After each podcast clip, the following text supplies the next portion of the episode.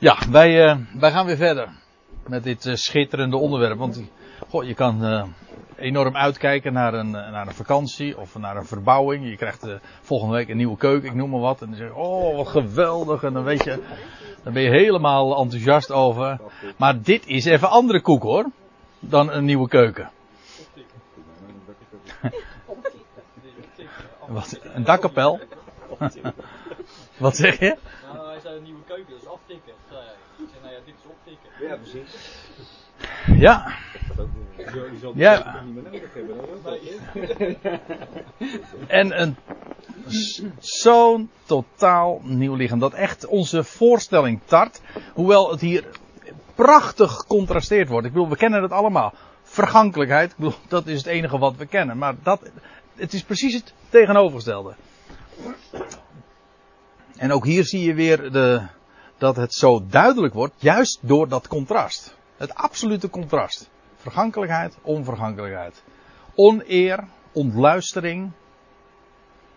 Ook de functies eh, nemen af. Ik bedoel, je, welk deel van het lichaam je ook, ook hebt, maar eigenlijk alles eh, gaat daar, eh, is onderhevig aan die ontluistering van het lichaam. Je gehoor wordt minder, je ogen worden minder, dan moet je protheses, en je armen, je spieren, lopen, nou noem maar op.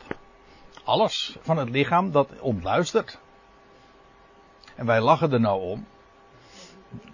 Eh, maar dat is vooral wel. Je kunt er vooral om lachen omdat je denkt van nou. Maar het wordt anders. dit is maar heel. Dit is even tijdelijk eh, behelpen. Maar het wordt anders. En het wordt trouwens. Die aftakeling wordt schitterend ook beschreven in. Waar jij zojuist al even aan op zin speelde. In Prediker 12. En dan wordt er ook gesproken over, over de grijsheid en over de amandelboom die dan bloeit. Amandelboom, ook trouwens weer een beeld van onvergankelijkheid. Maar, ja, dat wordt die aftakeling, de ijdelheid van dit bestaan. Dit bestaan is dus aan de ijdelheid en de vergankelijkheid onderworpen.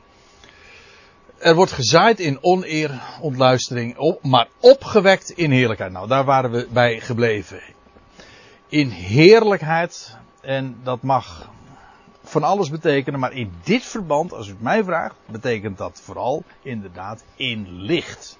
En waarom zouden we dat niet gewoon zo nemen zoals het inderdaad hier naar voren gebracht wordt? In heerlijkheid zoals de zon en de maan en de sterren in heerlijkheid schijnen. Er wordt gezaaid in zwakheid, Zwakheid, dat is uh, gebrek aan kracht. Onvermogen, dat blijkt trouwens uit uh, het contrast. Als dit kracht zal blijken, dat is vermogen, dan is dit onvermogen. Maar dit woord zwakheid is ook uh, in de.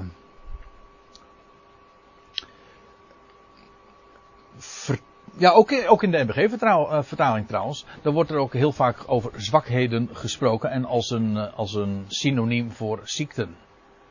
Zwak, daarom zijn er onder u velen zwak en ziekelijk. Ja, dat is dan min of meer dubbel op. Maar zwak, heeft onze zwakheden op zich genomen en dan gaat het over ziekten. Maar eigenlijk is ziekte ook niks anders dan het gebrek aan energie, het onvermogen van het lichaam om gezond te blijven of om zich gezond te maken. Dus gebrek aan energie, zwakheid. Nou, onvermogen. Nou, ik had het zojuist over uh, ontluistering. Wat niet alleen maar functioneel ge, uh, opgevat kan worden. Ik bedoel, lichaamsfuncties worden minder en of gaan helemaal voorbij. Maar ook die ontluistering is ook, als ik het zo mag zeggen, esthetisch. Dat wil zeggen, de schoonheid gaat verloren. Daar moet ik altijd mee uitkijken natuurlijk, met dit onderwerp. Maar het is wel zo. Uh, maar ook zwakheid, ziekte. Het gaat gepaard met, met ziekte en met zwakheid en met onvermogen. Maar, dit mag dan tragisch zijn, maar het is slechts de zwarte achtergrond die God gebruikt, inzet. Juist. Het is, en bovendien, en dat is het mooie, deze, deze vergankelijke wereld, deze hele vergankelijke schepping, die gewoon vergankelijk is by design. We hadden het er in de pauze al even over. Deze hele wereld is dus aan de ijdelheid en de vergankelijkheid onderworpen. Gewoon deze schepping vanaf de aanvang was vergankelijk. Het eerste ook wat je leest in Genesis 1 vers 2, de wereld werd woest en ledig. Even los van allerlei andere vragen wat er precies plaatsvond zo. Nee, de wereld werd woest en ledig. Waarom? Het is een vergankelijke schepping. En slechts door ingrijpen van God gebeuren er dingen. Maar de wereld is, deze schepping is oud en in haar ontwerp vergankelijk. Waarom? Omdat God eerst een vergankelijke wereld zou maken en daarna een onvergankelijke wereld. Het ene tijdelijk, vergankelijk is per definitie tijdelijk, want het gaat voorbij. Dat is juist wat het woord betekent. Het gaat voorbij. En het andere is onvergankelijk. Dus er wordt een, een, een donker achtergrond gecreëerd. Die is noodzakelijk om het contrast te tekenen en te schilderen en tot uitdrukking te laten komen. Maar het eerste is noodzakelijk om dat tot uitdrukking te laten komen. En alles wat die vergankelijkheid met zich meebrengt, oneer, zwakheid, maar er wordt opgewekt in kracht. Hier staat het Griekse woordje dynamis. Vermogen, dat is wat het echt betekent, macht. Maar macht is eigenlijk ook eh, vermogens zijn. De mogelijkheden hebben om. Wij denken bij vermogen vooral aan, aan geld, natuurlijk, Nederlands als we denken. Maar vermogen is gewoon in het algemeen uh, veel. Als je veel vermag, veel vermag, veel vermogen hebt, dan, dan heb je veel mogelijkheden, veel opties. Wel, er wordt opgewekt in vermogen. Dynamisch, dynamiet. Het is een, een lichaam dus, dat opwekkingslichaam is een dynamisch lichaam. Vol van power. Ik vind dat het woordje, Engelse woord power altijd erg mooi. Omdat het zo lekker krachtig klinkt. Power. Ja, dat is het opstandingslichaam. Dit is zwak. En dat is een lichaam van kracht, van vermogen. Wat ongekende mogelijkheden heeft. Vermogens. Dat is toch enorm.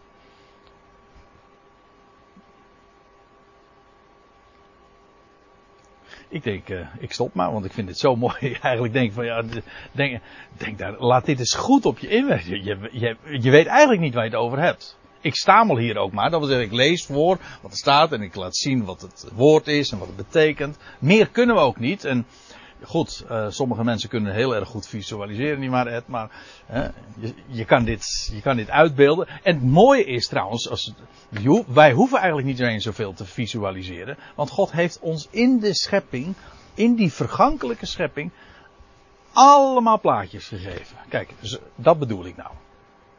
Daar hebben we het nu over. Dat, zijn, dat illustreert precies wat ik in mijn woord zeg. En dan blijkt ook meteen dat, dat degene die zijn woord spreekt, dezelfde is als die de schepping heeft voortgebracht. Sterker nog, de schepping is voortgebracht door zijn woord. Alle dingen zijn geworden door het woord. Dus logisch dat het, de schepping, alle dingen, het DNA, als ik het zo mag zeggen, ook dragen van het woord. Het komt voort uit het woord. Dus logisch dat heel de schepping spreekt van het woord. Opgewekt in vermogen. Ik ga verder. Er wordt een natuurlijk lichaam gezaaid. Dus we hebben nu, dit is, dit is de vierde. Wat we zagen, laten we even goed even tellen. Er wordt gezaaid in vergankelijkheid. Er wordt gezaaid in oneer, dat is nummer twee. Er wordt gezaaid in zwakheid, dat is drie. Er wordt gezaaid met een natuurlijk lichaam. Maar dat is natuurlijk niet goed. Want er staat niet een natuurlijk lichaam. Ik vind dit echt ook een misser van de vertalers. Dat bedoel ik uh, niet zo akelig als dat het misschien uit mijn mond klinkt, komt. Maar vooral als je even later dan leest in vers 45, nee wat is het? Dan wordt er uh, geciteerd, ah, er staat, al dus staat er ook geschreven, de eerste Adam met een levende ziel. Ja, maar dat, die link ontgaat je juist door deze vertaling. Er staat, er staat namelijk, er wordt een zielslichaam gezaaid. Oké, u zegt ziels is niet echt een Nederlands woord.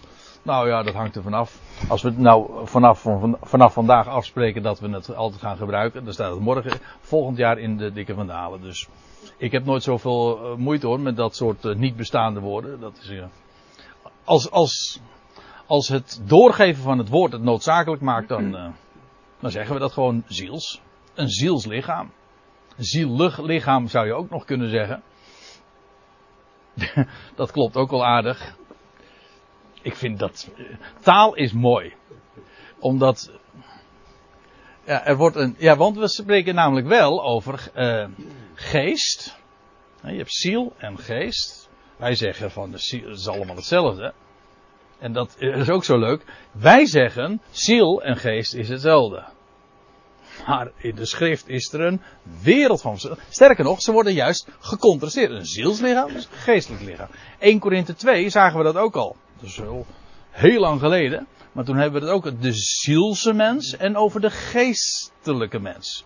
Maar je zou het dus ook zeggen de zielige mens en de geestige mens. Is dat tweede geestelijk of nou ja, tweede? Dit? Is dat pneuma? Ja. Pneumatisch. Het, uh, de bijvoeglijke vorm daarvan dus. Er wordt een ziels, een psychikos. Dat is het. Ons woord psyche is een Grieks woord en dat is ziels. En dat is weer, en dit is ook weer het woord wat uh, in, de, in de Griekse vertaling dan weer in, vanuit het Hebreeuws weergegeven is van het Hebreeuwse woord nefesh. En daar komen we misschien straks nog over te spreken. Maar in ieder geval in dit, later in dit gedeelte gaat het daar ook over. Ziel. Maar dat is dus de psyche. En dat heeft al iets zielig, dus. De ziel. En ik zei al, wij maken dat uh, soort onderscheiding helemaal niet. Ik vind dat wel grappig, want als je een geestelijk probleem hebt, dan ga je naar de psychiater. Of naar de psycholoog. Dat is heel vreemd natuurlijk. Want dan suggereer je van, ja, wat is het verschil tussen ziel en geest? De meeste mensen, goed, ja, weet ik ook niet. En de Bijbel zegt nu juist, ja, dat is, een wereld van verschil. Dat is een contrast. Heel dit betoog van dit vers en het navolgende vers, maar 1 Korinthe 2, een hele passage zelfs, is gebaseerd juist op het contrast tussen ziel en geest. Als je zegt van dat is geen verschil, dan zeggen we nou ja, dan denk je dus niet bijbels. Maar goed, dat is de verwarring. Dan denk je Babels. Dat is de verwarring van de taal. Maar de schrift, er staat in, uh, dat vind ik een hele mooie, die moet je onthouden. Hebreeën 4 vers 12 is het. Daar staat, het woord van God is scherper, is krachtig, is, nee, zo, zo, laat ik het goed citeren. Het woord van God is levend en krachtig. En scherper dan enig tweesnijdend zwaard, verdelende ziel en geest. Dat wil zeggen, het woord van God is scherp. Mensentaal niet. Die, maakt die is zo bot als wat. Ja, menselijke taal is heel bot. Zo komt het ook heel vaak over. Maar het is bot. Het kan, is niet in staat verschil te maken tussen ziel en geest. Het woord van God is scherper. Dan welk zwaard dan ook. En dat maakt heel duidelijk verschil tussen het een en het ander. Er wordt een zielslichaam gezaaid. Dit lichaam is dus vergankelijk, in oneer, in zwakheid. Ja, en dit is de vierde dus, het vierde contrast. En het is een zielslichaam. Het is een zielslichaam.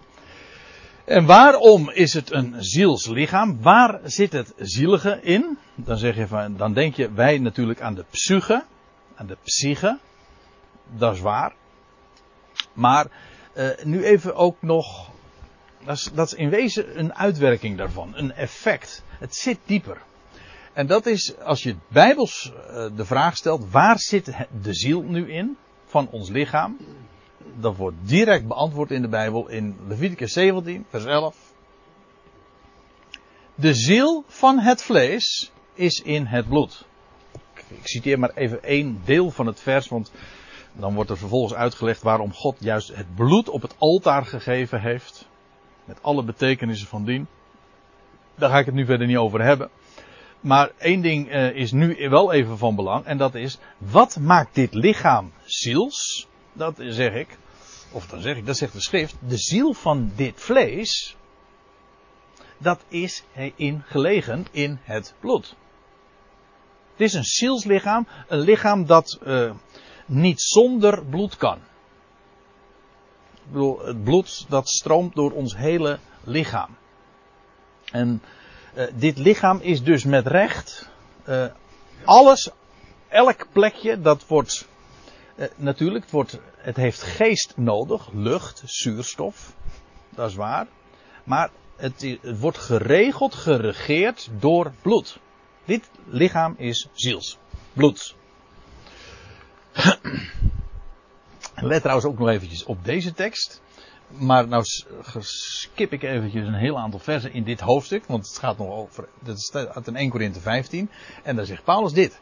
Dit spreek ik evenwel uit, broeders. Vlees en bloed kunnen het koninkrijk gods niet beërven. Dat wil zeggen, vlees en bloed. Die combinatie, dat is niet, geen blijvende. Dat is geen onvergankelijkheid. Dit lichaam is ziels. En straks, het opstandingslichaam is wel vlees. Jazeker, want dat is wat. Ja, heb ik hem meteen. Ik wist niet dat, ik, dat hij al zo snel kwam. Maar eh, in Lucas 24, ik, voor de pauze verwees ik al even naar dit vers. Maar dan lees je, dat is op de avond van de opstanding. Dat de Heer te midden van zijn discipelen verschijnt. En dan staat er, ziet mijn handen en mijn voeten, dat ik het zelf ben, betast mij. Dus het is echt een concreet lichaam. En ziet, zichtbaar, dat een geest geen vlees en beenderen heeft, zoals gij ziet dat ik heb. Dus een concreet, tastbaar, zichtbaar lichaam. Dat wel. Het is dus met recht een lichaam. Maar geen vlees en bloed. Wel vlees en beenderen, maar geen bloed. Er wordt een zielslichaam gezaaid. Namelijk een lichaam dat geregeerd, gedomineerd wordt door en volstrekt afhankelijk is van bloed. In heel het lichamelijk bestaan. Maar er wordt een geestelijk lichaam opgewekt. En hier staat het woordje pneumatikos.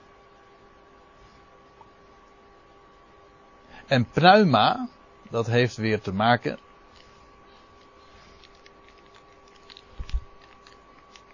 En toen hield hij ermee op. Nou, doe ik het zo maar even. Hè? De ziel is eruit, ja. Hij geeft geen licht meer, hij is zonder heerlijkheid. En hij is niet functioneel meer.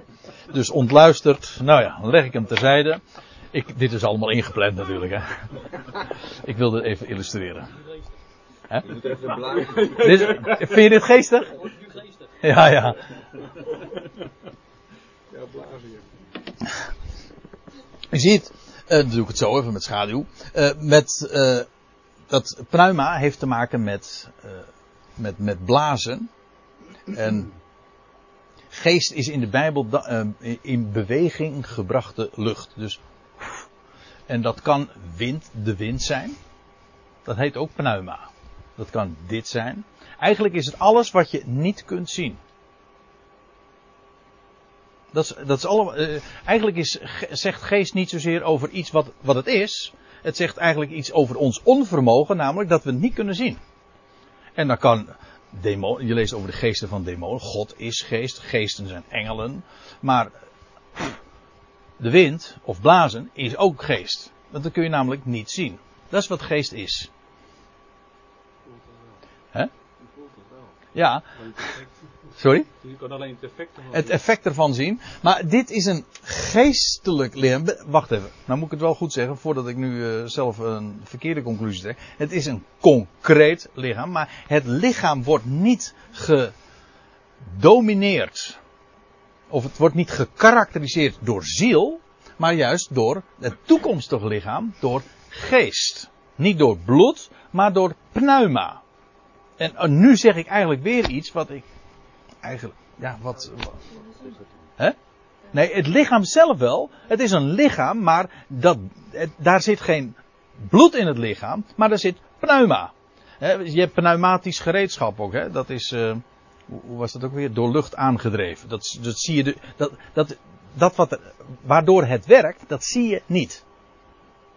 Dat is een, een pneumatische boor. Nou, ik, ik, ga daar ook niet te veel over zeggen, want daar weet ik helemaal niks van, van dat soort dingen. Maar in ieder geval, ik weet wel van dat woordje pneumatisch gebruik je met, in verband met allerlei gereedschap ook. En met allerlei, uh, in, in de techniek speelt het een grote rol. Maar dat wil zeggen, het is lucht, door lucht aangedreven. Een kracht die je niet ziet. Dat toekomstig lichaam heeft geen bloed. Dat is dit zielse bestaan. Maar het toekomstig lichaam is door lucht, door geest, door pneuma aangedreven.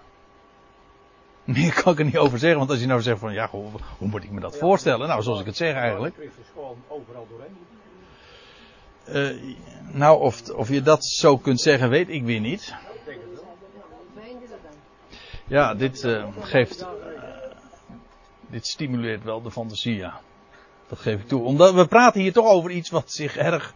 Doorheen lopen is de vraag natuurlijk. Ja, ik denk namelijk meer in andere dimensies. Ja, Ja. Als je ziet wat voor kracht uh, lucht heeft, Zo. kan hebben. Ze hebben bij mij op mijn werk, uh, zie ik met uh, wat met bar uh, gewerkt wordt, uh, een breuk of zo. Daar kan geen bloed. bloed. mag ze ergens doorheen blazen. Dat, Ja. ja. En, en, maar dat, dus, daar, als ik het eventjes uh, zo mag zeggen, om het verschil te typeren. Er is een zielslichaam, een lichaam dus dat gedomineerd wordt, gekarakteriseerd wordt door bloed. Een toekomstig lichaam, daar stroomt geen bloed door de aderen, maar pneuma, als ik het zo mag zeggen. Dat is gekarakteriseerd door pneuma. Iets wat je niet ziet. Maar kracht is, pneuma. Toch misschien zoals God Zoals- Israël uh, zijn lezen, uh, de lezenademing zal dan blazen begrijpen. Ja.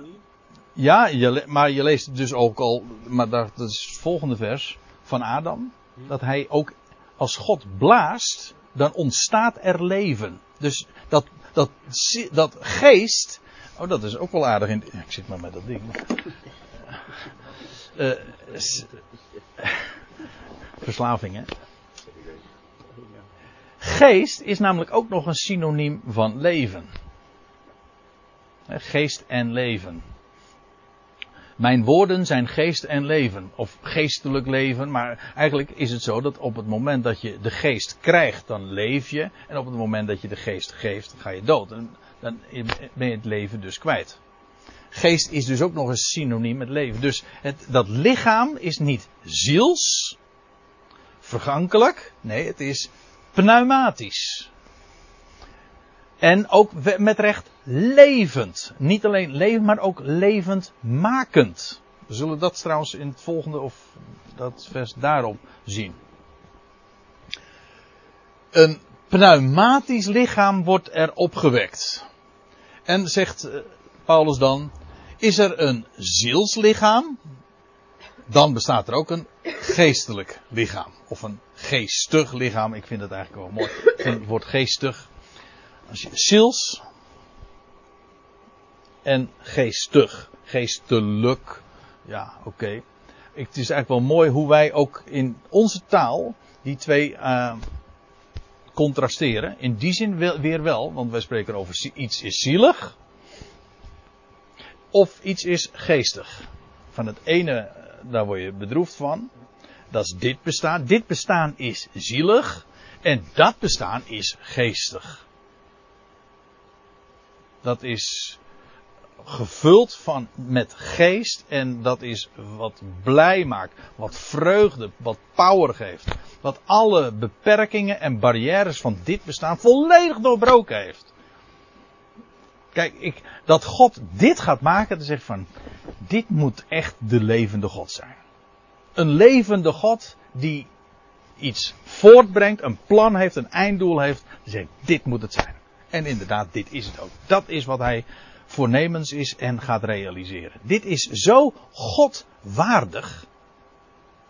Hij plaatst het zo. Hij heeft dit zich zo voorgesteld. Hij gaat dit maken.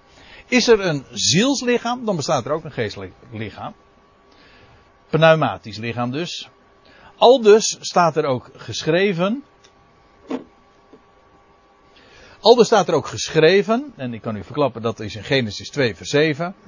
De eerste mens, Adam, werd een levende ziel.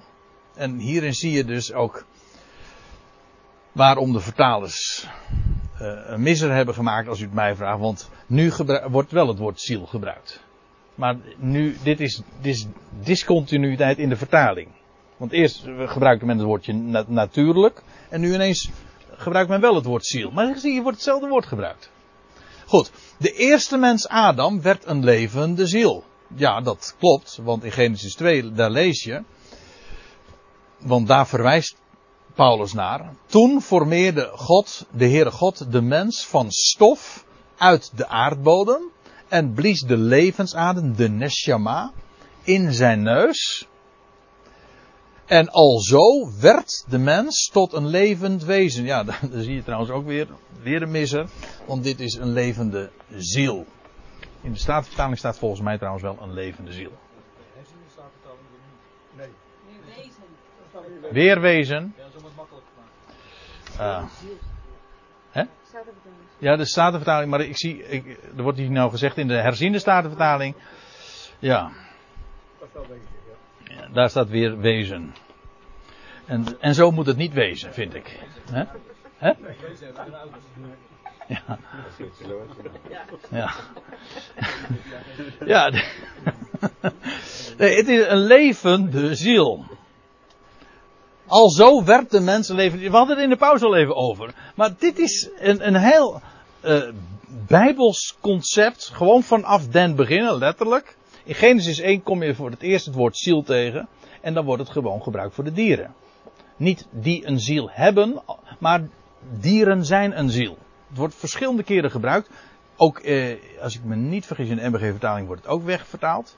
Maar dat de aarde of dat de wateren wemelen van levende zielen.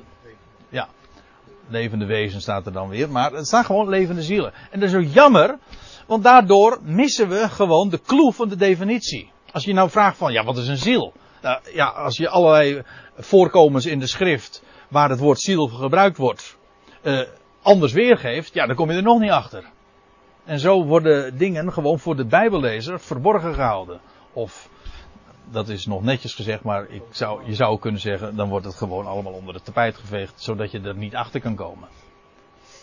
En dan moet je weer naar een Bijbelstudie gaan om, er, om het dan te horen. Dat is ook omslachtig. Waarom zetten ze dat nou niet gewoon in de schrift? Hè? Dat is wel weer een nadeel. Eigenlijk ben ik erg blij hoor, want dit, dit is juist de reden. Dat, ja, dat, zo kun je het ook bekijken.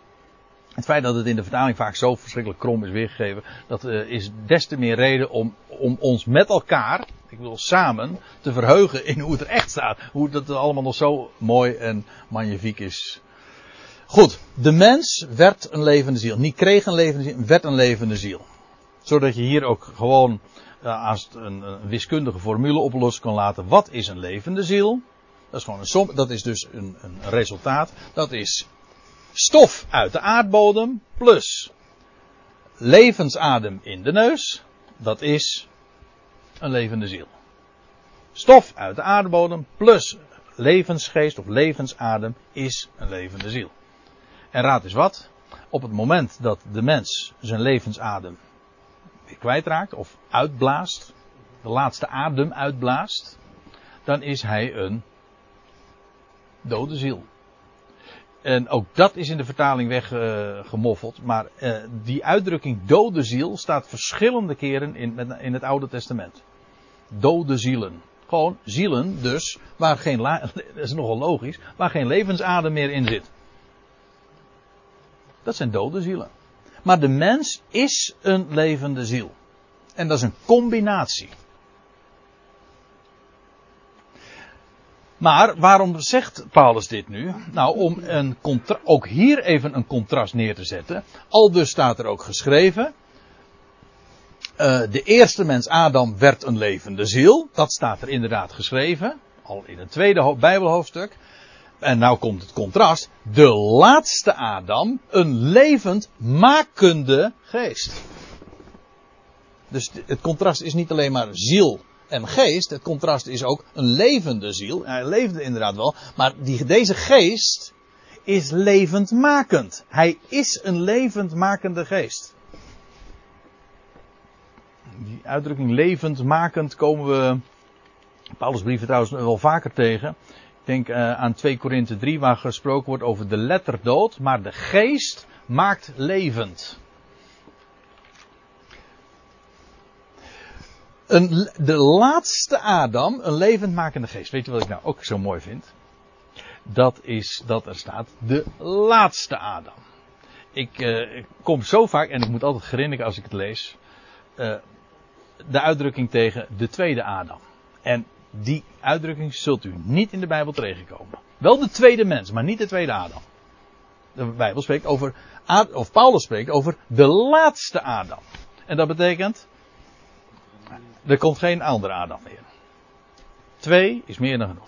God wilde een contrast maken. E, de eerste Adam, of gewoon Adam, zo u wilt. En vervolgens Christus, de laatste Adam. En waarom heet hij ook de laatste Adam? Of, ja, nu, nu, bedoel ik even niet waarom heet het de laatste Adam. De laatste is het omdat hij de definitieve is. Omdat hij de eerste. Hè? Hij is de. Hij is de eerste wat? Hij is ook meteen de eerste weer. Hij is de eersteling van een nieuwe schepping, ja. Maar eh, nu eventjes over de mensen. Adam. eh, Adam was eh, degene uit wie wij allen voortkomen. Nou, hoe, hoe staat het er? In. Ja, ik, bij, bij dit vers waren we natuurlijk. Want Paulus had eerder in dit hoofdstuk al over Adam gesproken. En dat geeft meteen ook aan waarom hij hier eh, Christus de laatste Adam noemt. God wilde een contrast maken. En nou we hebben dat contrast nu al eh, vier keer eh, gezien. En Adam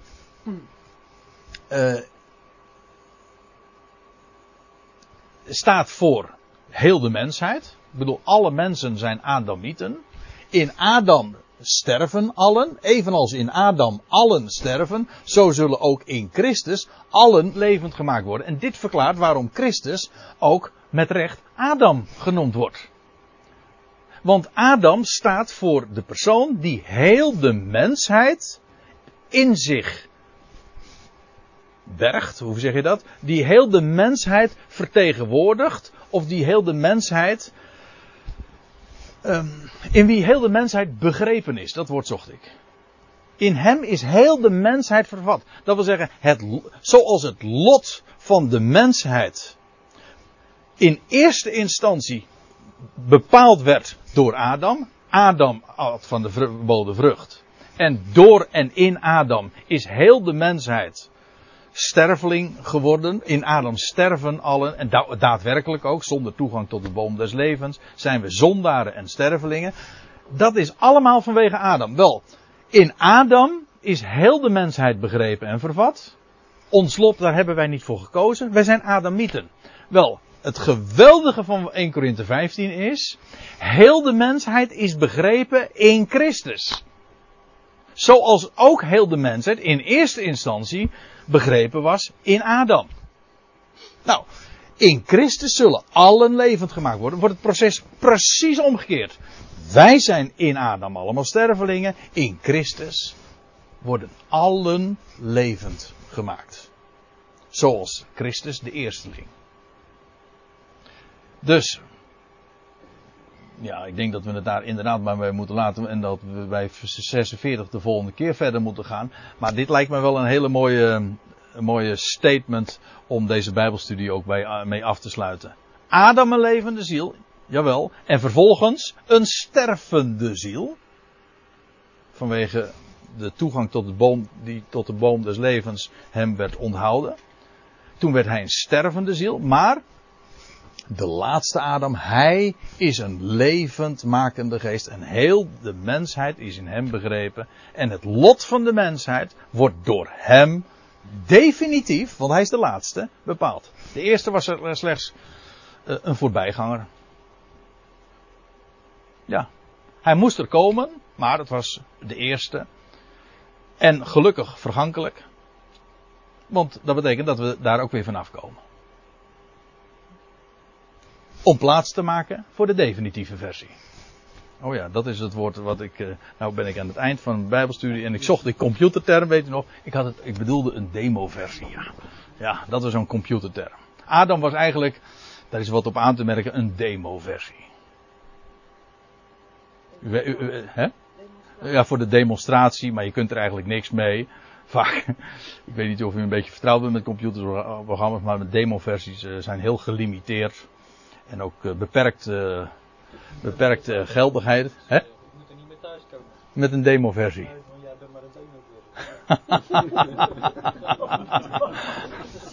Ja, maar die eerste Adam was een demo-versie. Heel functioneel, had een betekenis, maar het was niet meer dan een demo-versie. Het gaat uiteraard om de laatste Adam. Ja, nou, ik stel voor dat we het daarbij houden voor vanavond. Ik overval je er misschien mee, maar uh, Ed, zou jij willen afsluiten?